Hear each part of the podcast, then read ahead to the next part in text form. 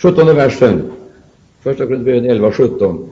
Där heter det Detta bjuder jag eder nu, men vad jag icke kan prisa är att I kommer tillsammans, icke till förbättring, utan till försämring.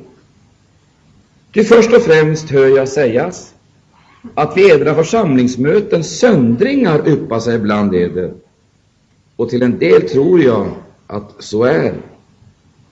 Ty partier måste ju finnas bland eder, för att det ska bliva uppenbart vilka bland eder som hålla provet. När de alltså kommer tillsammans med varandra kan ingen Herrens måltid hållas. Ty vid, vid måltiden tager var och en i förväg själv den mat han har medfört, och så får den ene hungra, medan den andra får för mycket. Haven ni då icke edra hem, där ni kunde äta och dricka? Eller är det så att i förakten Guds församling och viljen komma dem att blygas som intet hava. Vad ska jag då säga till eder? Ska jag prisa eder? Nej, i detta stycke prisar jag eder icke. Ty jag har från Herren undfått detta, som jag och har meddelat eder. I den natt då Herren Jesus blev förrådd tog han ett bröd och tackade Gud och bröt och sade detta är min lekamen som var utgiven för eder. Gören detta till min åminnelse. Sammalunda tog han och kalken efter måltiden och sade denna kalk är det nya förbundet i mitt blod. Så ofta i dricken den, så gören detta till min åminnelse. Ty så ofta i eten detta bröd och dricken kalken, förkunnen i Herrens död till dess att han kommer. Den som nu på ett ovärdigt sätt äter detta bröd eller dricker Herrens kalk, han försyndar sig på Herrens lekamen och blod. Pröve då människan sig själv och äte så av brödet och dricka av kalken. Ty den som äter och dricker utan att göra åtskillnad mellan Herrens lekamen och annan spis, han äter och dricker en dom över sig. Därför finnas också bland eder många som är svaga och sjuka, och ganska många är avsomnade. Om vi ginge till doms med oss själva, så bleve vi icke dömda. Men då vi nu bliva dömda, så är detta en Herrens tuktan som drabbar oss, för att vi icke skola bliva fördömda tillika med världen.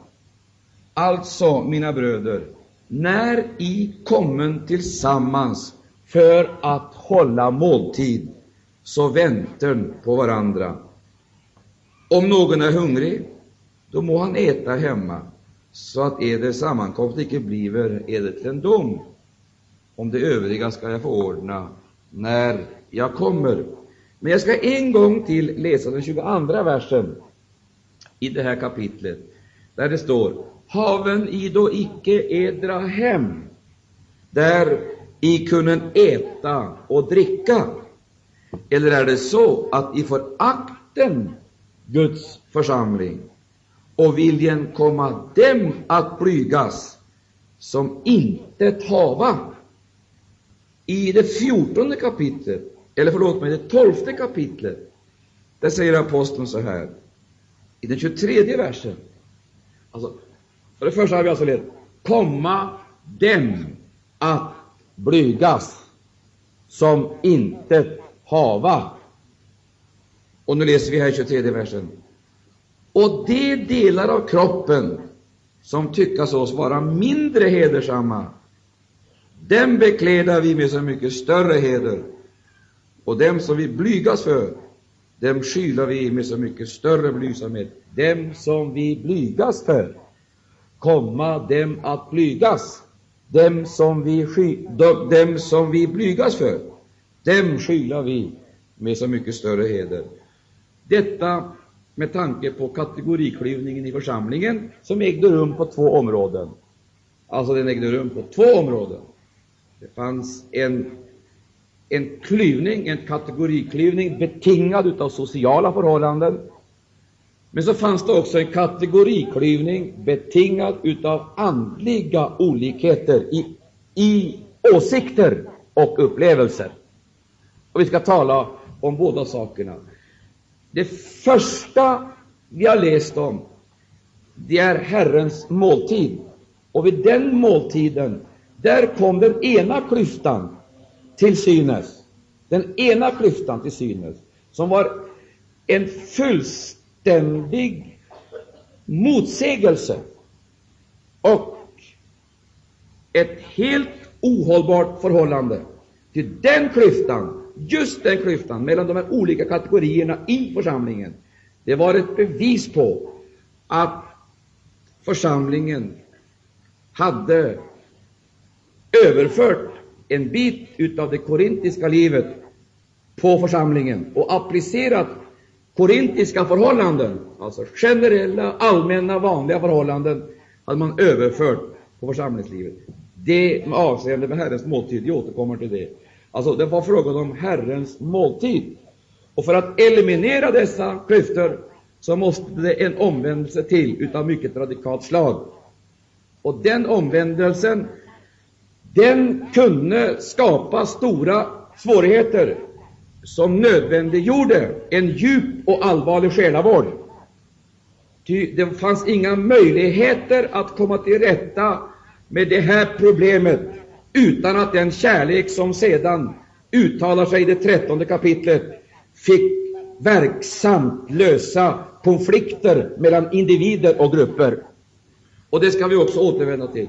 Men det var inte bara på det planet som eh, det var eh, sönderfall, eller fara för sönderfall och kategoriklyvningar.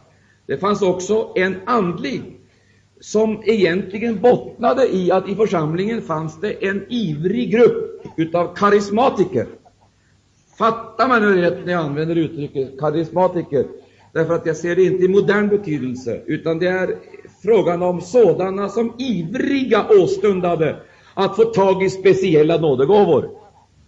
Och de hade så till den milda grad förälskat sig i tungomålstalet och uttydningen, eftersom dessa så att säga kunde manifestera sig i varje gudstjänst. Och de var så ivriga att detta skulle ske, så det var en, de höll på att utveckla sig till det jag skulle vilja kalla en andlig, jag säger väl en andlig och inte en svärmisk, jag säger en andlig elit i församlingen. Och så blev det en klyfta mellan dem, dessa ivrare, dessa ivriga karismatiker, och de övriga som kanske hade en annan, en annan värdering och inställning och inriktning. Och det här, det första var det viktigt att komma till rätta med, missförhållanden över Herrens bord. Men det andra var det också viktigt att komma till rätta med, så att båda delarna börjar fungera i överensstämmelse med sitt ideal och sitt syfte. Idealet var nämligen det att alla skulle ge någonting, alla skulle motta någonting, och det skulle hela tiden överföras. Överföras, så den som hade, för, hade mera än de övriga skulle inte trissa upp sig och skaffa sig en position ovanför de andra, utan då skulle han ta av sitt överflöd utan att på något sätt framhäva sig själv eller vad han förfogade över, låta det så att säga komma de andra till nytta. Det gällde vid Herrens måltid och det gällde också beträffande de andliga gåvorna. Så att inte bara en eller ett par gåvor eller några utav gåvornas bärare, några, en elit, en minoritet, en het och intensiv grupp, utan alla skulle komma till tjänst och i funktion. Prisat vare Gud och Lammet. Både de utomordentliga gåvorna som manifesterade sig synligt, synliggjordes, hördes, alltså synliggjordes hörbart, och synbart. Man kunde se och höra. Utan också de gåvor som hade en annan funktion, men inte hade samma offentliga prägel och samma offentliga funktion. Och i det fjortonde kapitlet Där gör han klart för oss att den här Herrens måltid som han undervisar om, det var eh, en kärlekens manifestation som vi ska försöka att se lite på. I det fjortonde kapitlet, där möter vi de andliga gåvorna och hur de borde fungera för att allt skulle vara i den sköna harmoni som Gud hade avsett. Och han säger så här i Första Korinthierbrevet 14 och 26. Vad följer då här av mina bröder? Jo, när I kommen tillsammans så har var och en något särskilt att meddela. I Första Korinthierbrevet 11, där kunde han ha skrivit så här. När I kommen tillsammans har var och en något särskilt att ge utav det han tagit med sig. Alltså, då kom man till kärleksmåltiden med det man hade hemma i sitt förråd. Men när I kommen tillsammans, i den här meningen, då det inte längre var frågan om brödramåltiden eller kärleksmåltiden, utan det var eh, frågan om en annan typ utav möten. Då gällde samma grundregel. Då kom var och en med något som man sedan var redo att meddela. Och så blev det på båda områdena ett knytkalas. Och varför jag betonar det här idag, det är därför att det är väldigt viktigt att vi kommer bort ifrån alla andra mönster och ideal. Till allt annat, det är långods som vi har tagit ifrån världens sammanhang och försökt att överföra på församlingen.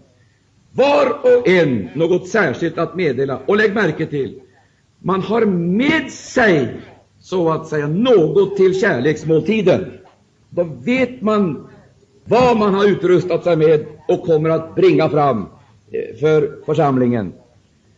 Men lika naturligt var det att syskonen hade med sig en andlig välsignelse till sammankomsten, så att man inte kom för att få, utan, och, det står heller inte att var och en får något särskilt att meddela, utan var och en har något särskilt att meddela.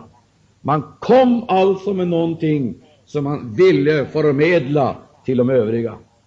Vi ska titta på det här lite mm, grundligare, men försöka att få fram den linje som vi har här i Första Korinthierbrevet. Går vi till Första Korinthierbrevets första kapitel, så ser vi att där, där möter du någonting typiskt för det korintiska livet. Det som beskrivs där, det är någonting typiskt och auktoriserat. Någonting som korintierna betraktade som ett idealiskt förhållande, nämligen den maximala individuella friheten, som tog sig det uttrycket att var och en samlade, om, samlade sig omkring sin lärare, sin favorit, bildade en akademi, bildade en förening eller någon, något sällskap. Och så lyssnade man på denne ene och upphöjde naturligtvis då denne ene som man hade funnit som den verkliga stjärnan, som den riktige filosofen, som den sanningsenlige läraren. Och just det där korintiska beteendet, det slog alltså igenom i församlingen. Men nu var det så här att de människor som hade vunnit för Kristus, de kom ju från de här akademierna, sällskapen, sammanslutningarna och föreningarna och hade sina traditioner, sina uppfattningar och åsikter som de hade förvärvat, mottagit genom den undervisning som de hade fått. Där fanns olika bildningsnivåer representerade. Där fanns det olika sociala skikt representerade. Om man skulle börja och göra en sån här sociologisk uppdelning i, i, i skikt, så skulle man finna att olika klasser fanns med där. Där fanns det de som var välsituerade, och så fanns det de som var fattiga, för att inte säga de som hade ett stort armod. Det kan vi se om vi läser andra Korinthierbrevet. Nu samlades de, prisa Gud.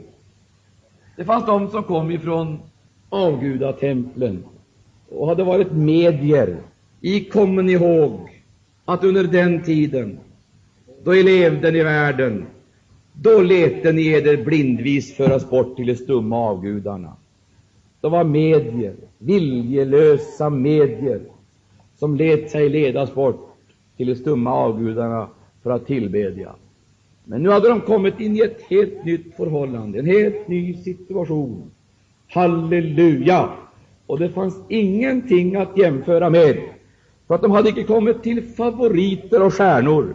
De hade inte kommit till en intressegemenskap eller grupp. De hade inte kommit dit därför att de hade ett, ett psykiskt eller intellektuellt intresse. Nu hade de kommit dit därför att de hade mött Jesus. Och nu var de där därför att de hade kommit till tro på honom. Och om den här korintiska filosofin skulle få tränga in i församlingen, så skulle med de här människorna ett främmande element som skulle söndra den här gemenskapen följa. Det skulle komma in ett främmande element som skulle ha upplöst gemenskapen i de typiska kategorier som man mötte ute i det övriga samhället. Och med detta skulle Kristus ha stympats. Det vill säga, istället för att få en hel och fullständig Kristusbild skulle var och en fått sin stympade del av honom. Därför när vi läser skriften så kommer vi underfund med att Kristus, eller Gud, har i församlingen satt, som det heter i Efesierbrevet 4, Gud har i församlingen satt somliga till apostlar, somliga till profeter, somliga till evangelister, somliga till herdar och lärare, för att han ville göra de heliga skickliga för att utföra sitt tjänarvärv och att uppbygga Kristi kropp. Och därför så ser vi att fröet till splittringen, det fanns i deras hjärta. Och modellen för en sådan splittring, det fanns i den miljö de var fostrade i. Jag tycker det är väldigt angeläget att betona det här. Det är oerhört angeläget att betona det, att fröet till, till, till, till sönderfall, det, det, det bär människan i sitt eget väsen. Och jag skulle vilja säga modellerna som möjliggör detta sönderfall, det, de bär hon vanligtvis med sig ifrån den miljö där hon är fostrad. Förlåt mig nu om jag här säger ting som inte är sagt för att såra. Men det, det, det finns faktiskt, på, det är faktiskt på det här sättet. Fröet till alltsammans detta, det bär vi i vår natur. Och det beror på individualismen hos oss. Och det beror också på egoismen. Och dessa lyten eller böjelser eller egenskaper kan förstärkas genom miljön. Eller också kan också naturligtvis tuktas. Men vanligtvis, och så är det ju på det viset, att de blir förstärkta genom miljön. Och när vi kommer in i församlingen, in i, försam in i en väckelseförsamling, alltså som är någonting annat än en förening eller ett intressesällskap, så vill vi bredvid de andliga erfarenheterna vi har och bredvid ordet som vi har, så att säga lägga någonting utav det vi har tagit med oss. Eller vi vill få utrymme för det, plats för det. Och därför så gäller det naturligtvis för alla dem som ska leda Guds verk att de är befriade ifrån prestige och maktgalenskap och så vidare. Så de förstår sin fullmakt, men också fullmaktens begränsning. Så de vet att allt har inte fått, eller en har inte fått allt. Utan det är på det här sättet att den ena har den ena uppgiften. Den kan vara av grundläggande karaktär. Och nu upplever jag personligen min uppgift vara grundläggande. Jag har fått en uppgift att vara med och lägga en grund. Det vågar jag hävda. Och min uppgift är, det är att föra fram Guds ord till Guds folk. Här, här är grunden och försöka få fram den. Det är min uppgift. Men jag måste vara medveten om att med uppgiften följer det fullmakt och utrustning. Men sen så har den fullmakten sina givna gränser. Därför att jag kan inte klara allt, lika som någon annan kan klara det. Han har valt att dela tjänsterna på olika människor som ska fungera tillsammans och inte skilda ifrån varandra. Men det är ju självklart att då måste vi få, då, då måste vi få respekt för den gudomliga ordningen, så vi inte sätter igång och bygger taket innan grunden är klar. Vi får inte hålla på med väggar och tak och låtsas som om vi ska ta grunden till sist. För då kommer resultatet att bli det att taket så småningom står där grunden ska stå. Och så blir det ingen mer. Och vad det här handlar om, det, det, det är grundläggningen. Och sker det ingen ordentlig grundläggning på varje plats, så kommer aldrig verket att överleva. Aldrig! Därför så måste det till Guds ords predikan. Och Herren har gett mig en fullmakt där, halleluja, som jag får använda. Och det tycker jag jag kan göra med frimodighet, fast det är Arne Imsen som har fått den. Du har din uppgift, och det kan vara så att också din uppgift är av grundläggande karaktär. Men detta har någonting med en apostolisk funktion att göra. Men blanda inte ihop det här med Lammets tolv apostlar. För vi har församlingssändebud som måste fungera. Det kan vara missionärer som far till andra länder, eller det kan vara verksamma missionärer i vårt eget land, som måste lägga grunden. Och om ett nytt verk skall byggas upp, vilket förmodligen är nödvändigt i varje generation. Varje generation. Jag tror icke att det finns någon väckelse som överlever flera generationer. Institutionerna överlever, men knappast den, knappast den andliga väckelsen överlever i de modeller som skapades. Man kan nämligen icke ta en väckelse i arv. Man kan ta organisation och institution och hus och materiella ting i arv, men man kan aldrig ta en väckelse i arv. Därför som den som ska vara med i ett Guds verk måste från första början räkna med att det handlar om pionjärinsatser. Och hur gärna vi än skulle vilja det, så kan vi aldrig överlämna en väckelse åt en kommande generation. Andrahandsupplevelserna utav väckelsen och andrahandsupplevelsen utav Kristus, utav Andens mäktiga uppenbarelse, det är det farligaste som finns. Ty med dessa andrahands erfarenheter så sker det ett avlägsnande ifrån själva centrum som är livsfarligt. Och därför säger jag med detsamma, far och mor har en förbönstjänst för att tacka Gud för. Men far och mor kan inte ta emot välsignelser och härlighet istället för barnen. Får inte barnen föräldrarnas förstahandsupplevelser så kommer det att bli katastrof.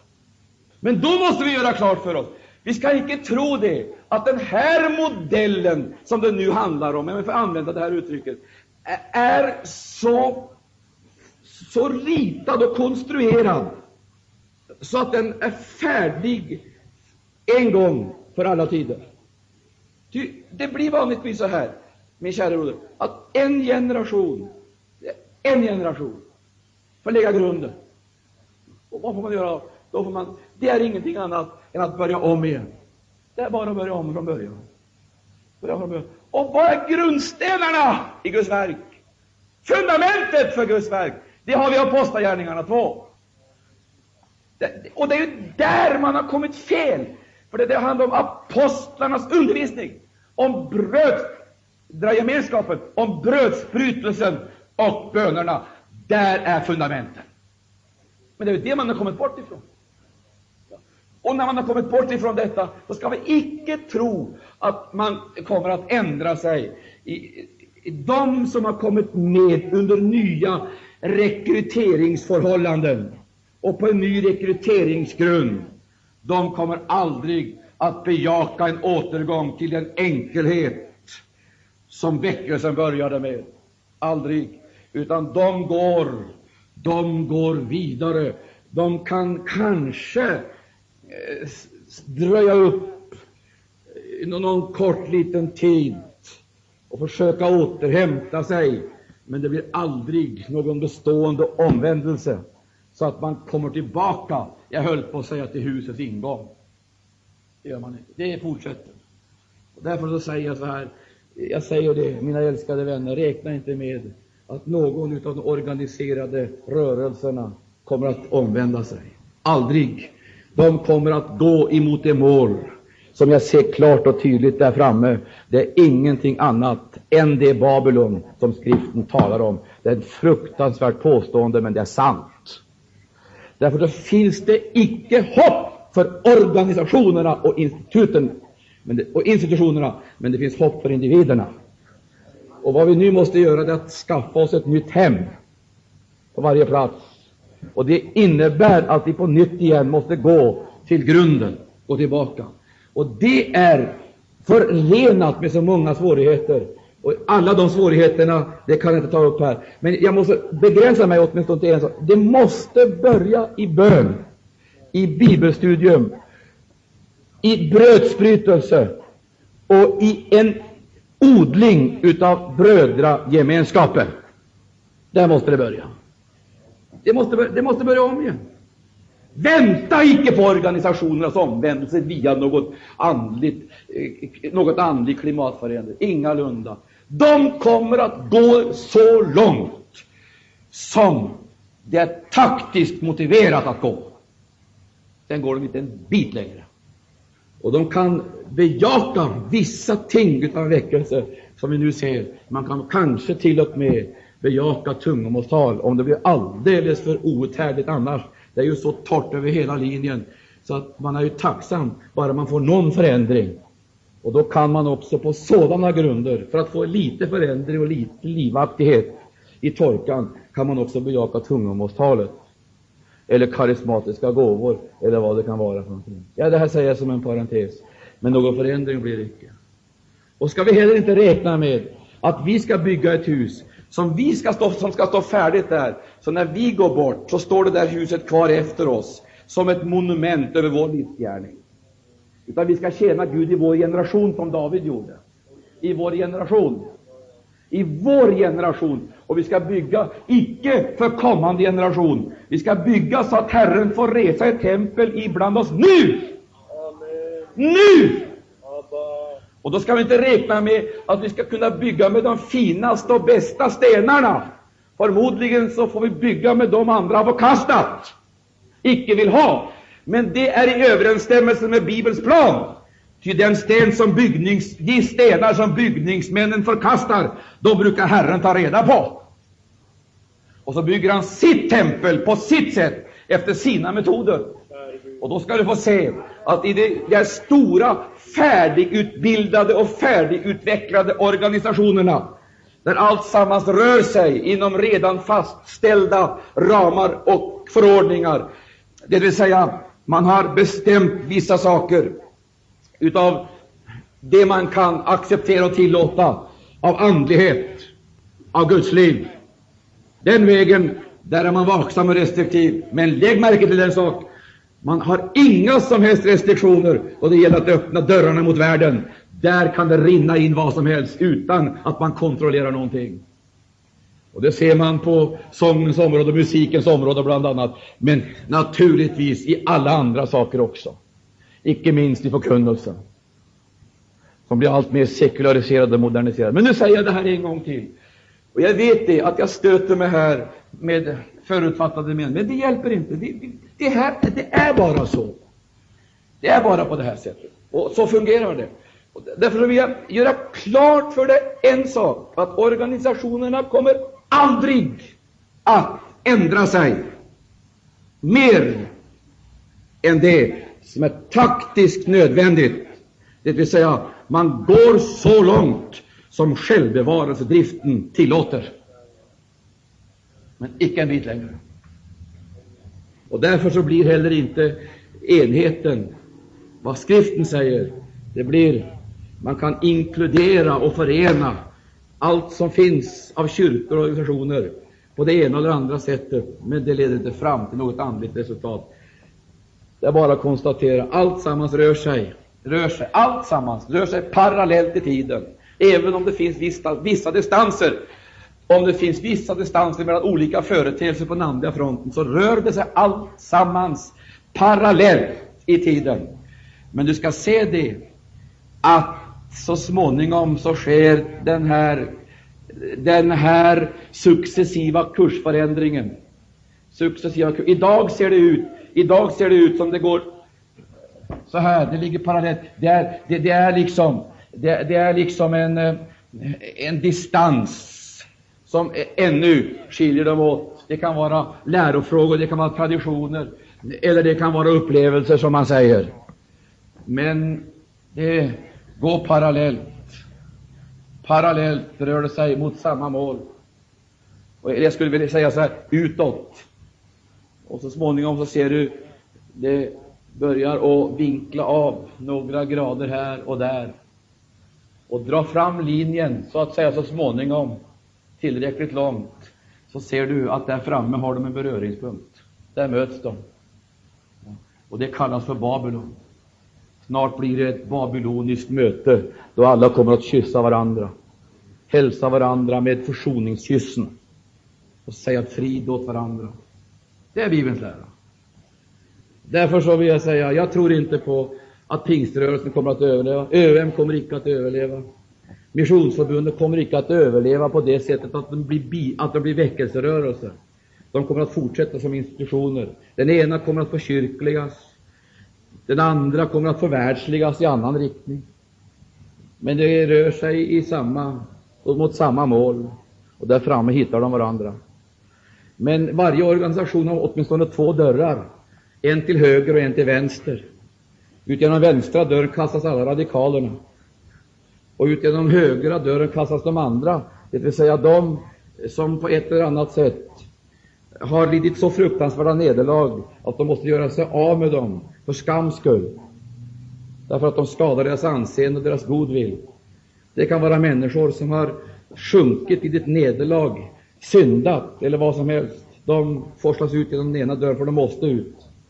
De andra, mest andliga människorna, de forslas ut genom de andra dörrarna, för de blir ett outhärdligt irritationsmoment, man orkar inte längre med dem. Och så småningom så ska du se den märkliga rörelsen, en väldigt förunderlig rörelse, alltsammans. Och det följer ett givet mönster i varje tid. Jag skulle säga blocken har en dörr åt det där hållet och en dörr åt det där hållet. Och så småningom Genom många irrgångar så hittar de sämsta och de bästa varandra här. Och då blir de väckelsens bärare. De, sämsta, de som bär väckelsen vidare, det är de absolut sämsta och de absolut bästa. Och kvar dröjer den, den, kvar dröjer den grå massan, som icke går att ändra på. Den grå, förnöjsamma massan. Och nu ser ni lite ilsket på mig, men detta tror jag på, och så här är det. Det är de sämsta, absolut sämsta och de bästa, de hittar varandra utanför, därför att där möter de Jesus utanför lägret. Och där blir de en plattform, en grund för ett nytt apostoliskt skeende. Men det ska du veta, den grunden, den kan inte bara överföras till en kommande generation, så att några så att säga lämnar, därför att de skördas för evigheten, eller många lämnar, och andra kommer in. Visst inte. Det är på det sättet grunden måste läggas i varje generation. Och därför tror inte jag att det kommer att bli något annorlunda med Maranatarörelsen. Så småningom så ska du få se ett märkligt, ett märkligt andligt skeende. Här kommer du ha alla kyrkor, alla kyrkor, i en och samma rörelseriktning. Och så småningom, bak här någonstans, så ser du också en Maranatarörelse som intar sin plats i den här formationen. Så har vi en Maranatarörelse här också, som avfallen och sekulariserad marscherar vidare in i det som kallas för ekumenik eller någonting annat. Lämna Maranatarörelsen fortast möjligt, människa. Kom in i Maranataväckelsen. Det är något helt annat. Vårt mål kan aldrig vara att närma oss världen. Det är vi eniga om, eller hur? Vårt mål kan aldrig vara att närma oss kyrkan, utan vårt mål det måste vara att närma oss Jesus. Oss Jesus. Och vad som bestämmer vad vi idag är, det är egentligen icke så mycket de andliga upplevelser som vi har, utan det är rörelseriktningen som vi har. Frågan är om vi rör oss emot centrum eller om vi rör oss ut i periferin. Och om vi då så att säga lägger kursen och ser oss omkring, så kan vi bedra oss. För det kan vara på det sättet, det kan vara på det här sättet, att om vi människor har ett centrum, och det finns en hel mängd olika cirklar där det finns olika, där det finns olika ting som rör sig. Om vi, för att använda den här bilden, befinner oss här ute någonstans, så är det inte så säkert att vi är så kolossalt nära centrum som vi borde vara. Det må vara hänt. Det är nog så, trots allt. Men frågan är om vi närmar oss centrum eller fjärmar oss ifrån centrum. Det vill säga, är vi på väg inåt eller är vi på väg utåt? Och om vi då jämför oss med alla andra riktningar och rörelser i tiden, så kan det ju se ut som om vi låg bredvid varandra. Vi är så lika varandra. Det är så lite som skiljer, säger man. Det är så lite som skiljer. Det är bara, det är bara lite. Det är så lite som skiljer. Ni har lite vatten och vi har mycket vatten. Men varför ska vi låta kvantiteter bestämma? Det handlar ju om kvaliteter. Ni döper i lite vatten och vi döper i mycket vatten. Men varför ska vi låta det bestämma? Det är väl inte kvantiteten vatten som ska avgöra om vi ska ha gemenskap med varandra? Känner du igen det? Det är en sofistikerad enhet som Bibeln aldrig kommer att acceptera. För i den där boken står det ett dop. Och det heter faktiskt att de döpte därför att det fanns mycket vatten. Vi skulle kunna fortsätta och arbeta vidare just med det här. Det här som så att säga är så oerhört viktigt att vi ser upp med. Det är klart, det är så lite som skiljer oss. Det, det, det är inte mycket. Och om vi tittar i horisontalriktningen så tycker vi, men, men, men, men det, vi är ju så nära varandra. Vi är ju på samma breddgrad. Ja, det kanske är idag det. Kanske möjligen att det är så idag. Men broder och syster, du som har varit med 20-30 år i tiden och som kanske är på väg ut ur tiden och in i evigheten. Det var väl du som skulle vara vårt föredöme. Du skulle väl inte ligga bredvid oss. Du skulle väl ligga framför oss och dra oss in i centrum. Var inte det som var meningen? Det var de gamla rörelserna, de, det var de som skulle ha hjälpt oss. När vi upplevde att vår längtan håller på att ta livet av oss. Då blev vi kastade över bord. Kastade i havet, och vad fick vi för det? Det var en räddningsskuta som hjälpte oss. En räddningsbåt. Vi fick försöka att navigera oss fram. Vi ropade till Gud och så fick vi anden, ordet. Började vi förstå att, kära tider, det är ju på det här sättet att det ser, vi ser ju så nära varandra, men titta efter så ska du få se kursen. Börja titta, titta på kompassen, se på sjökortet, se på skärmen. Vad ser du för någonting? Då ser du att de som skulle ha dragit oss emot centrum och som kanske ligger bredvid oss på samma breddgrad, de är ju på väg ut i periferin. Ut.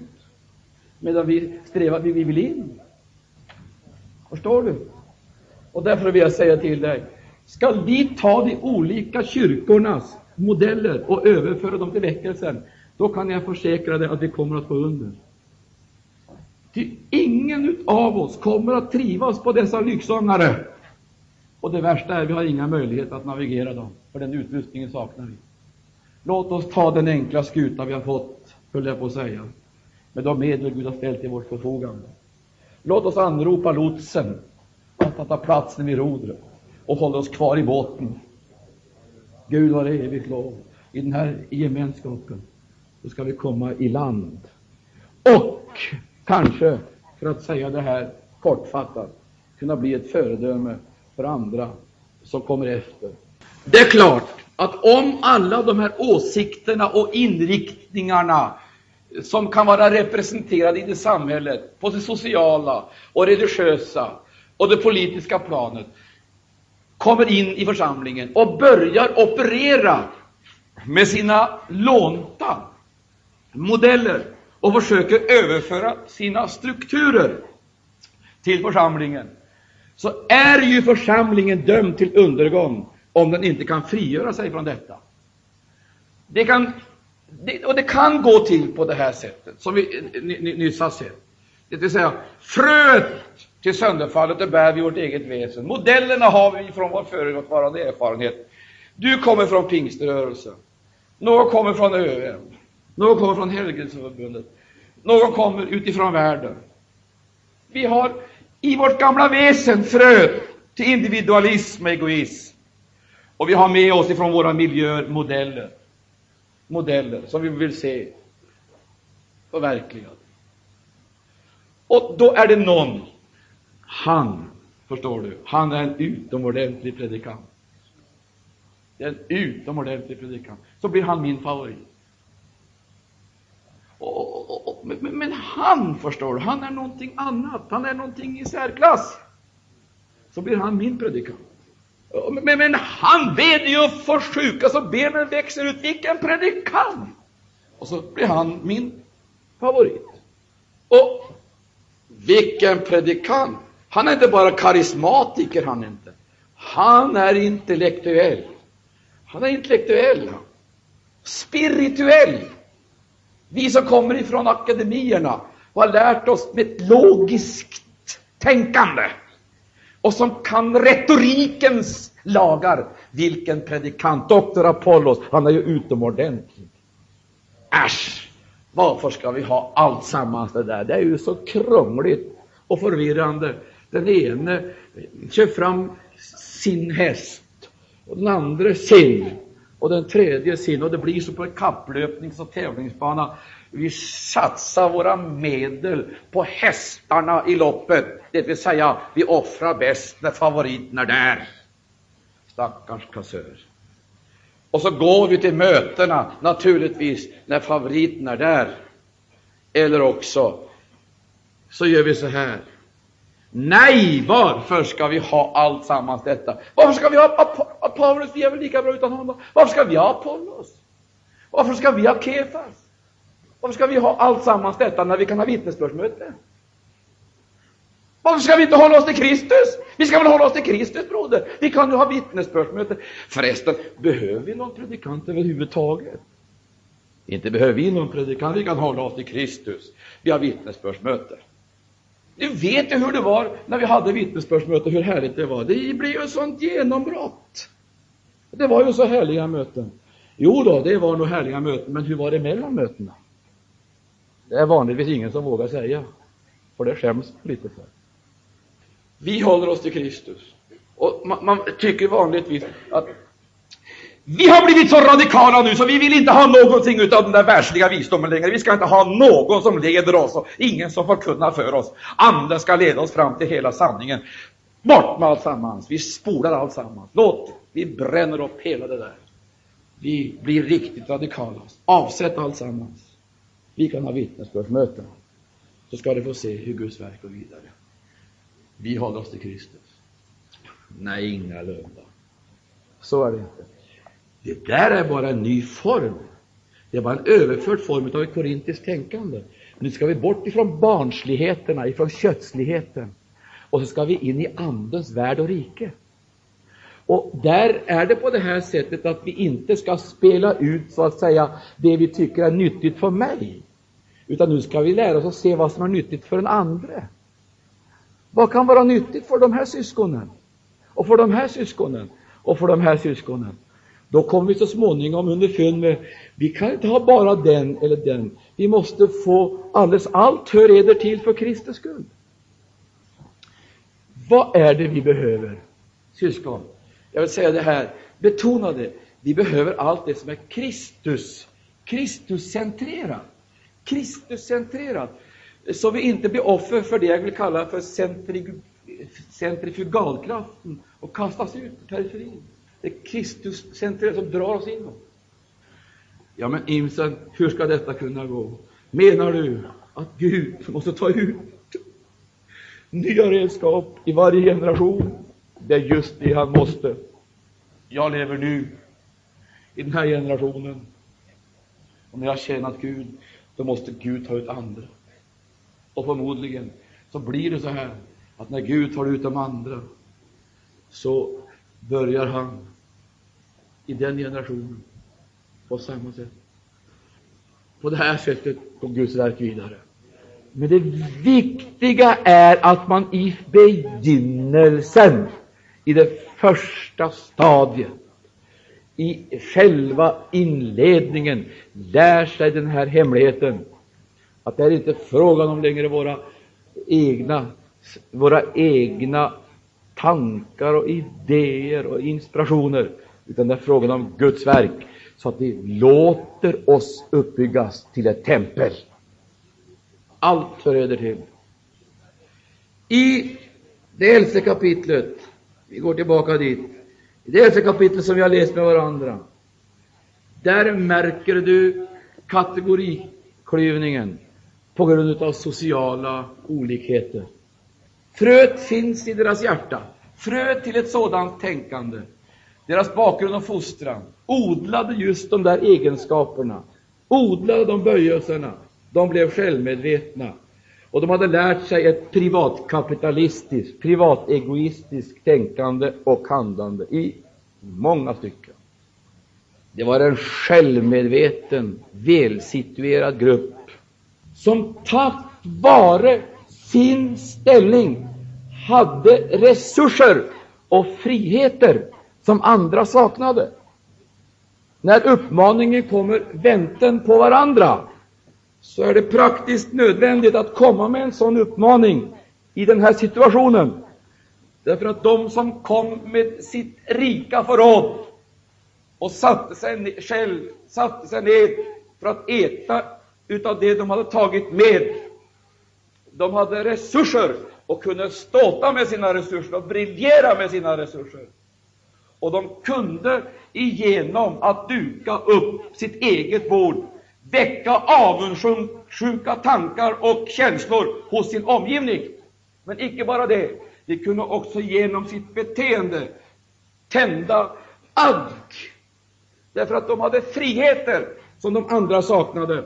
De disponerade sin tid, sin tid på ett annat sätt än slavarna gjorde. De var, de, de var, de var fria.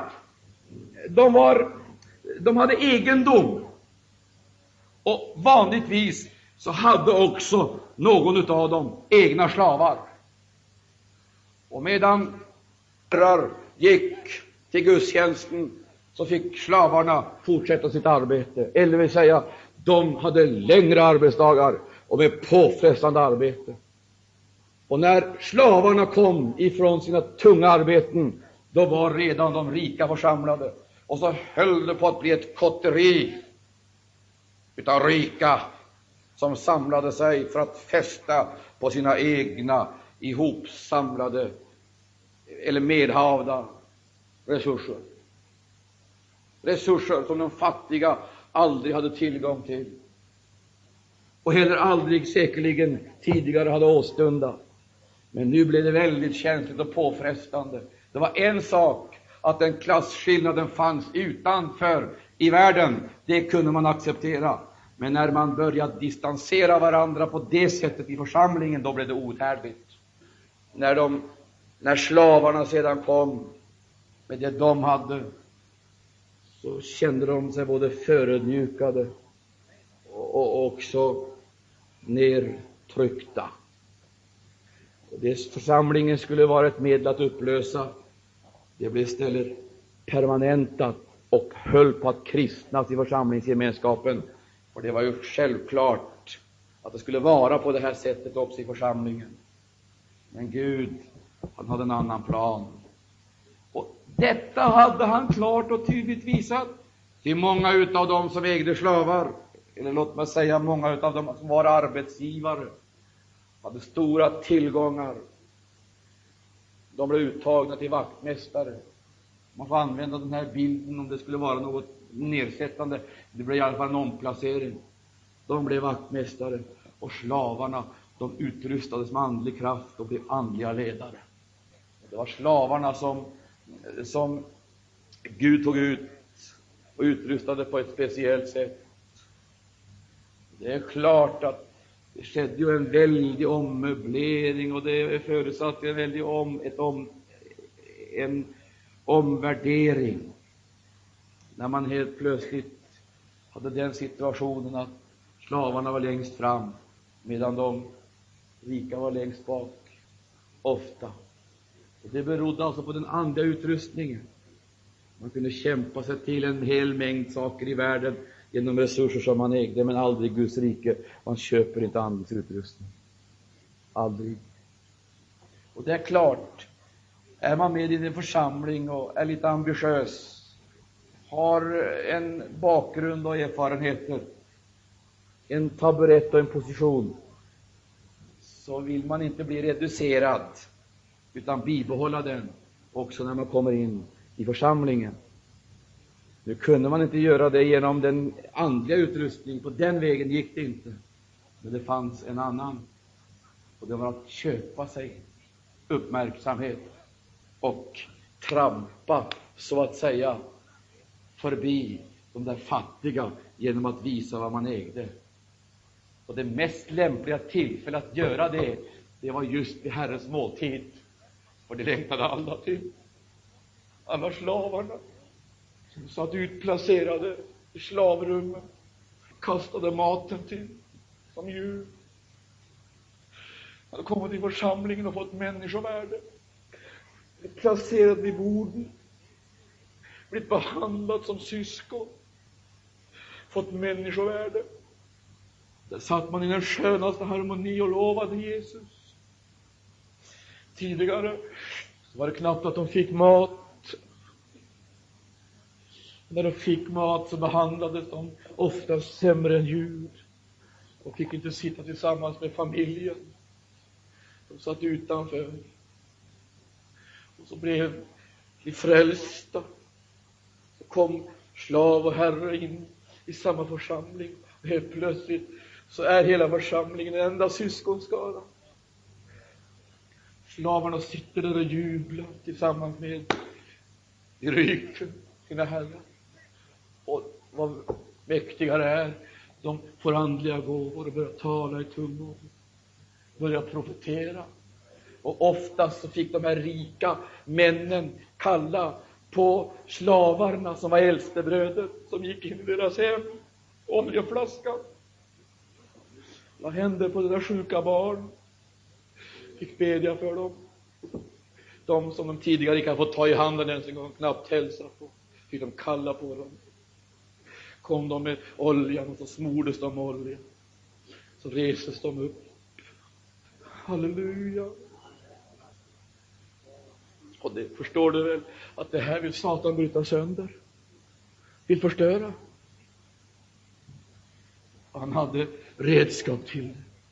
Den djupt rotade egoismen väntar, väntar oerhört åtråligt på sin chans.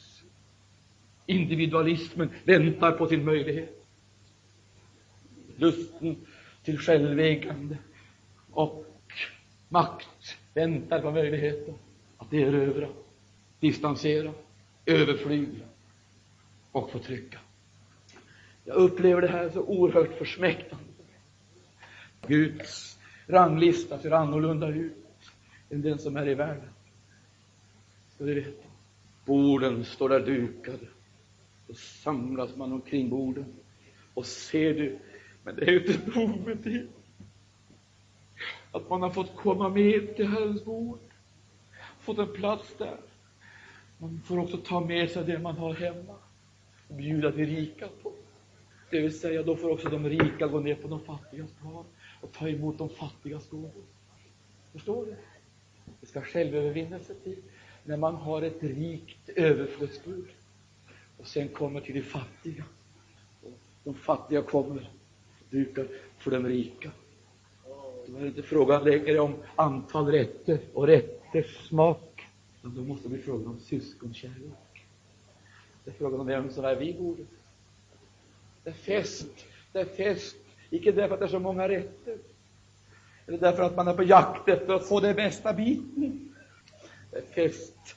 Därför att syskonen är hemma vid samma bord och Jesus är mitt ibland oss och välsignar oss. Kärleksmåltid. Halleluja. Det är meningslöst att resa det här bordet om vi ska bibehålla klasskillnaderna som är i världen i församlingen. Då ljuger vi. Då måste vi ta med oss det vi har, var och en. Och vi får säga det här, det, det, det, det är det här huset förmår. Men Herren har gett oss vårt dagliga bröd. Så delar vi, så ser du vad som sker. De förenas, smälter samman. Men så småningom så kommer det gamla själviska tänkesättet in. De rika börjar att röra sig lite mer belevat och lite mera livsvan. Så börjar de så småningom att igen distansera de där fattiga. Så har vi de där klasserna där igen. Har du det där komma att blygas, förakt för. Jag, jag tror vi ska vara med om en underbar kärleksmåltid där Herren ska smälta hjärtan och förena, överbrygga och skapa förutsättning för en Andens uppenbarelse. Där världen kan se att det är ett folk som inte bara uttalar sin kärlek, men visar den i handling och gärning. Som inte talar söta och milda ord, men i handling bevisar att man har övervunnit världens tänkesätt och praktiserar det så man kan se, där har det gått i fullbordan. Ser du församlingen håller på att bli ett idealsamhälle? Det finns inte någonstans i världen, men i församlingen finns det. Där är det upprättat. Jag ber till Gud om det. Jag ber om det.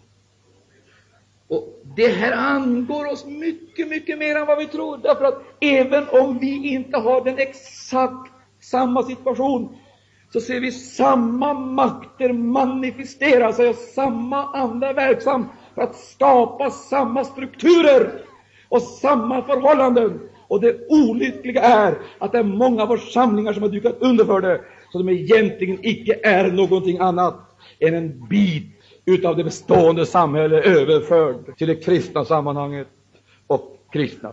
Tänk om vi kunde flyta bort ifrån oss själva, jag på säga. Smälta ner och smälta samman. Då är enheten upprättad. Och Guds makt ska bli spord i församlingen. Det ska inte bli långt till en broder och inte bli långt till en syster. Och du ska få änglabesök.